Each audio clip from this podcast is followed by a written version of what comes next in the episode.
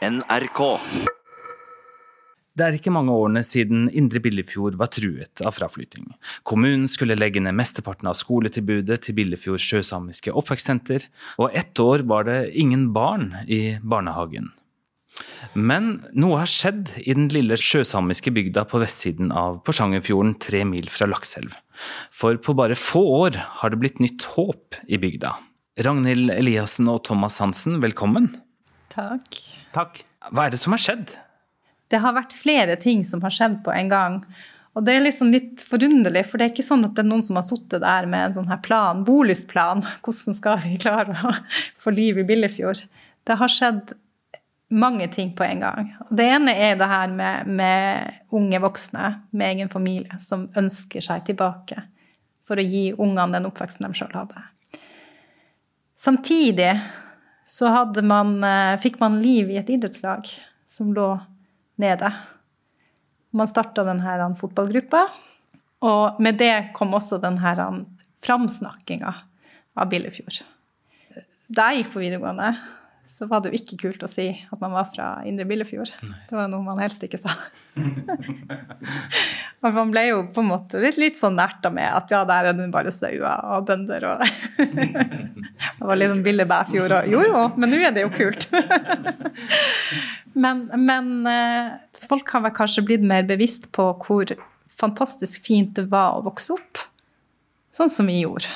Jeg er bare så glad for oppveksten jeg hadde i, i Billefjord. Så det å vokse opp i et hus hvor du har kanskje én eller to synlige naboer, i mørketida så er det helt bekmørkt ute. Fordi lyktestolpene som man har rundt husene, der er pærene gått. Så ingen ser noe. Det er glatt fordi ingen orker å strø. Om kvelden så får foreldrene dine besøk av en gammel nabo på 85 år som lukter gammel mann, forteller gamle historier.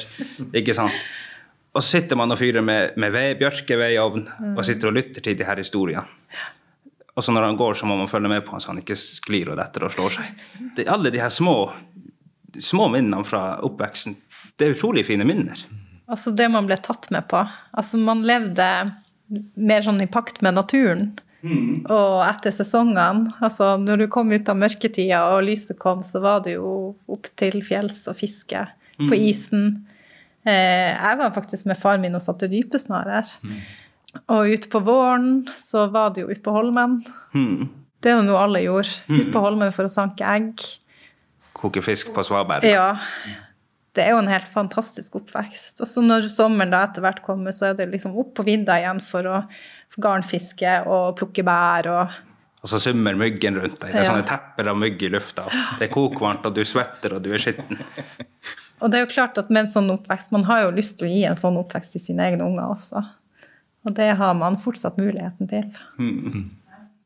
Det er mange som sier at det, er, det heter ikke Billefjord, det heter 1920 paradis. Man framstiller det som et paradis. Mm. Og, og, med sosiale medier Veldig mange har delt de gode bildene fra det her området. For det er jo et fantastisk sånn flott, naturskjønt område. Mm. Nok sikkert gjort noe med at folk har følt på denne hjemlengselen og stoltheten mm. over å være fra en en liten bygd. Mm. Samtidig så ble et uh, område i Billefjord omegn plukka ut til å være et utvalgt kulturlandskap i landbruket. Og med det så har også hvor man har hatt et eh, aktivt bygdelag, og som har gjort at man har fått opp også denne stoltheten og bevisstheten rundt det kulturlandskapet vi har. Det er et fantastisk kulturlandskap som anses som å være sjeldent i nasjonal sammenheng. Mm. Og hvor man har hatt en sjøsamisk bosetning i Jeg vet ikke, Thomas. Hvor mange hundre år snakker vi? Tusenvis av år. Tusenvis av år, ja. Og plutselig er det liv på fiskebruket som er lagt ned. Så det er blitt et kongekrabbemottak, ja. Mm. Og det har gitt deltidsjobber til ja. forskjellige unge nyflyttere og andre. Ja. Og vi har faktisk to kongekrabbemottak i Bildefjord. Okay. Og det som er så fint med bygda nå, er at nå kjemper man ikke mot bak. ikke sant? Mm. Alle samler ikke kreftene sine for å kjempe mot nedleggelse, mot skolenedleggelse, mot alt det her. Nå er man kommet dit hvor ting liksom blomstrer opp, mm. fordi folk kan bruke energien på å bygge opp bygda. Ja. Så det blir bare mer og mer vekst etter hvert. Og jo mer vekst det blir, jo bedre, bedre blir det. Mm. Hvilke kamper har dere måttet ta? Ja, det var noen ganske heftige kamper der. En stund tilbake. Dette eh, nedleggingsspøkelset har vel egentlig hengt over bygda i mange tiår. Altså det at eh, det har vært et tema at skolen kanskje skal legges ned. Så ble det alvor, for alvor trussel mot uh, Billefjord Sjøsamisk Oppvekstsenter da i 2011, når uh, Høyre kom til makta. De var vel ganske snar uh, ute med å legge ned, eller vedta å legge ned. Da måtte man virkelig gjøre en ekstra innsats for at det her skulle gå bra. Ja. Så det var Jeg husker jeg bodde sjøl i Alta og, og, tenkte på å flytte hjem og, og engasjerte meg veldig. Så vi var en gruppe med foreldre. Vi starta Facebook-gruppe, vi snakka sammen. Det var snakk om å skulle starte privatskole. Eh, og man begynte å jobbe mot politikerne, hadde folkemøte med dem for å prøve å informere dem om at eh, ja, men se her, her blir det født unger, her kommer det unger i barnehagen, her er det folk som vil flytte hjem. Og på en måte gi dem noen andre prognoser enn det SSB kunne vise til. For de var jo veldig dystre. Mm. Og, og, jeg husker at når vi var på folkemøte og vi prøvde å vise fram vårt tallmateriale, da, så, så, så, ble vi på en måte slått ned med at ja, men se nå, her er de egentlige tallene. Mm. Men man fikk i hvert fall trenert det her vedtaket såpass at, at det nærmer seg en ny valgperiode. Og eh, ungdomstrinnet på skolen det ble vedtatt lagt ned i begynnelsen av 2015. da. I mellomtida så hadde man jo eh, stifta et eget parti for å eh, få omgjort de her vedtakene. Om folk sa seg villige til å stå på liste og stå på i valgkampen og lage partiprogram, og, og folk flytta hjem. Ja. Og så var det et nytt valg, og det ble et annet styre. Og man hadde denne lokale lista også som, som jobba aktivt for å omgjøre det her vedtaket. Mm. Og så gjorde man det. Ja. ja. Så det ble vedtatt i kommunestyret til slutt? Ja. At både ungdomstrinnet kom tilbake til Billefjord, og også Børselv oppvekstsenter fikk bestå. Så elevene som var allerede skyssa til Aksel dem et halvt år, de fikk komme hjem igjen. Hmm. Ja. Hvorfor har det vært verdt å kjempe så mye for Indre Billefjord? Altså For ungene tenker jeg at det er veldig viktig å ha en nærhet mellom skolen og det samfunnet du er en del av. Og sett i et sånt sjøsamisk perspektiv, så For det her er jo et sjøsamisk oppvekstsenter som tar inn så utrolig mye fra lokalsamfunnet inn i undervisninga si. Altså måten man har levd på i generasjoner, den her tradisjonskunnskapen, kunnskapen om bearbeiding av mat, dodji, det tenker jeg er veldig viktig. For å ivareta det, så er det veldig viktig å ha den nærheten mellom et oppvekstsenter og lokalsamfunnet. Det er så mange ressurspersoner i et lokalsamfunn som man kan ja, bruke i undervisninga. Mm. Og også for lokalsamfunnet så er det jo kjempeviktig å ha, ha ungene der. Mm. Altså det å, å eh, ta seg en tur til Billefjord på en skoledag og høre ungene som er ute og leker, både i skolen og barnehagen, det gjør jo noe med deg. Mm. Skaper helt annen, et helt annet liv og atmosfære i en bygd. Mm. Ja. Så altså på under ti år så har det egentlig hele bygda endra seg fra å være en sånn fraflyttingsbygd mm. til å være et sted for vekst? Mm. Vi har jo bygd veldig på den her sjøsamiske identiteten vår. Mm. Eh, med at vi har tilbud som at man kan lære seg å sy kofter. Og så har vi Merra-sida, ja. som Thomas er daglig leder på. Ja, Hva styrer dere med? Oh, det der er alltid så vanskelig å svare på når folk spør hva er Merra-sida. Ja. Men jeg har et svar på det. Vi er en stiftelse, og vi har et eget senter da i Billefjord. Og målet vårt er å ivareta og videreføre sjøsamisk språk og kultur. Vi bygger båter, vi har et båtlærlingopplegg, eh, vi er med i forskjellige utvalg og arbeidsgrupper for forskjellige ting. Vi har aktivitetsdager. Det er så mye. Jeg klarer, jeg klarer ja. ikke engang å få det fram. Nei. Og så har dere en hel haug med kurs jeg har sett på nettsida deres. Ja, vi hatt et kurs i flåing av rødrev. Ja. Med to lokale profesjonelle rødrevflåere. Vi har en lokal båtbygger som ja, kan bygge den lokale Porsangerbåten. da. Mm. Han er den eneste her. Og han holder nå på å lære en ung håndverksutøver å bygge de båtene. Akkurat. Og viderefører dermed med, altså, tradisjonsrik kunnskap. Ja. Kunnskap og språk og terminologi knytta til det, ord og uttrykk og alt. ja. Eh, Vi har hatt et prosjekt for, eh, som vi ble ferdig med i år, der vi har samla inn sjøsamisk båtterminologi. Eh, Da vi samla inn forskjellige ord og uttrykk fra ordbøker, fra gamle mennesker og fra forskjellige områder.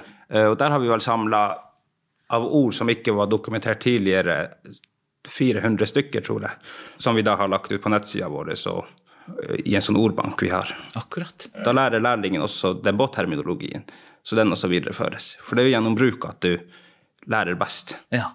En ting som mange glemmer, og mange ikke prater om, det er faktisk hvilken virkning på språket og kulturen det har vært med alle ressursene vi har mista. Det må man huske at Porsangerfjorden er en fjord som siden 1970-tallet gradvis har blitt mer og mer tom for fisk, og som i dag er så å si tom for fisk i de indre delene av fjorden.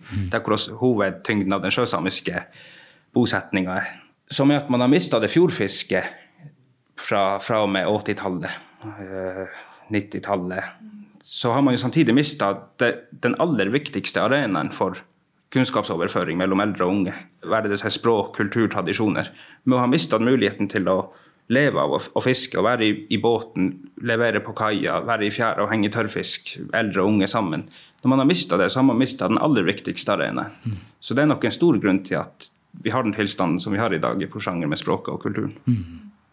Det hører man når de, de som er ja, min foreldregenerasjon prater om jeg kaller det undertrykking, alt som har skjedd før i tida. De prater selvfølgelig om internatet. Internatet var en opplevelse. De fikk ikke prate samisk der og alt det her. Men det som for meg virker som stikker dypest hos dem, det er det at de mista ressursene sine, ressursgrunnlaget sitt, hele naturgrunnlag. Og det kan ha hatt en like sterk fornorskende effekt som selve fornorskningen. Ja. Den politikken som ble drevet. Nettopp. Mm. Og fjorden ble tom pga. overfiske lenger ut. Eh, Fjorden, nei, fjorden ble tom Det starta på 50-60-tallet med småsildefisk. Da kom det snurpere inn. Ja. Og de gikk, de gikk så langt inn de kom i fjorden. Og snurpa med seg alt de hadde. Akkurat. Og så har det fortsatt videre utover med overfiske på torsk og sei, i stor grad utført av båter utenfra. Så har det økosystemet bare blitt mer og mer ødelagt, og i dag så har vi et helt katastrofalt økosystem i fjorden. Hvor du har kongekrabbe og steinkobb, men du har verken torsk, sei eller hys. Men er det prosjektet hvor de prøver å få det tilbake igjen, har jeg skjønt det Ja. sånn sett. Porsangerfjorden 2.0. Det er et prosjekt som har Havforskningsinstituttets feltstasjon i Holmfjord i Porsanger. Som de har på en måte, de har laga mulighetsstudien, som da skal gi utgangspunkt for det prosjektet, hvor man skal gjenopplive Porsangerfjorden. Det vil da være opp til Porsanger kommune hva de gjør med dette prosjektet, og Fiskeridirektoratet og alle andre myndigheter. Men det prosjektet, hvis man klarer å lykkes med det å gjenoppbygge fiskeribestandene, så de gir grunnlag for at folk kan begynne å drive fiskeri i kombinasjon med andre ting, det er et like så viktig tiltak for sjøsamisk språk og kultur som alt annet som man vet her rundt på rådhus og sameting og storting. Ja. Og i forhold til det med terminologi, der har jo du vært aktiv sjøl, har du ikke det? Å være oversetter fra norsk til samisk og tilbake igjen? Ja. Hvordan visste du det? Nei, jeg er journalist, jeg har søkt. Jeg har jobba som oversetter i syv år, siden jeg var 18 år. Ikke på heltidsbasis, men på oppdragsbasis. Så jeg har oversatt bl.a. en eh, manuset til en barne-TV-serie fra engelsk til samisk. eh, masse sakspapirer, noen barnebøker fra andre forlag, og nå holder jeg på å oversette The Hunger Games-trilogien til samisk på mitt eget forlag. Oh, jeg ser du det? Så kult. Forlaget mitt heter Sænit, og Ja. det er også Billefjord-basert. Riktig. For det er jo bare meg. Ja. og, og sannhet betyr ord. Det eller? betyr ord, ja. Ja. Merker dere at språket eh, blir mer og mer levende her nå? Kanskje litt. altså Jeg tenker tilbake da, på da jeg vokste opp i Billefjord på, på 80- og 90-tallet. og gikk på skole der. Eh, og det var jo da man fikk en sånn her en oppvåkning. For jeg er jo nok den første generasjonen i Billefjord-området som ikke lærte samisk hjemme. Til tross for at vi hadde samisktalende foreldre. Men vi hadde likevel samisk i skolen. Og eh, samiskundervisninga var nok kanskje ikke så bra den gang som den er, den er i dag. Og man var jo kanskje ikke så bevisst på eh, å lære barn samisk den gangen. Så det har jo absolutt skjedd noe positivt i Billefjord i løpet av de årene. Og si litt om forhistorien til det, så var det jo eh, bygde, Kolvik og omegn bygdelag som egentlig tok tak i det her med, med samisk språk i Billefjord-området, og det her med samiske stedsnavn. Hvor man oppdaga at oi, språket vårt er faktisk i ferd med å forsvinne. Og også ordforrådet og, og navnet, altså de her stedsnavnene, er i ferd med å forsvinne. Så det var en gruppe i det bygdelaget der som satte i gang et prosjekt for å få samla stedsnavn. Man jobba for at skolekretsen skulle bli definert som sjøsamisk. For man skulle løfte hele Billefjord og omegn til et sånn her sjøsamisk kjerneområde. Hvor man både skulle ha det her oppvekstsenteret og et kompetansesenter, som i dag er Merasida. Mm. Ja. Nettopp. Er det riktig at du jobba som konsulent? Ja. Jeg jobba to år som rådgiver i kommunen, Alta kommune, og så fem år i det private mm. som miljørådgiver. Ja. Mm, innenfor mitt fagfelt. Da. Og nå skal du bli Nå skal jeg bli bonde. det er jo et lite hopp, da. Fra konsulent til, ja. til gårdsdrift. Ja, jeg vet ikke om det liksom hoppet går, hvordan man definerer det hoppet, om det er fra opp eller ned. Men det er rett opp. Rett opp, rett opp ja. ja. Jo da, for min del er det absolutt det. Mm, så jeg har egentlig alltid gått med en sånn her drøm om å være bonde. Det er jo veldig vanskelig å forklare, for det er en følelse. Men jeg tror jeg har hatt den følelsen hele livet av at der er noen før meg. Og alltid levde meg veldig inn i sånn som far min når han fortalte om sine besteforeldre og oldeforeldre. Og kunne fortelle om generasjoner tilbake, og hvor kom de ifra, og hvordan levde de. Og det syntes jeg var veldig fascinerende, så jeg levde meg veldig inn i det. Mm. Og jeg likte å leke. leke meg inn i det, altså det livet da, som de levde. Mm. Eh, selv om jeg har blitt voksen, så, så ligger det der enda veldig i meg. Mm. Da du flytta hjem, hvordan kjentes det ut for deg, da? Det, ja, det er også en veldig sånn ubeskrivelig følelse.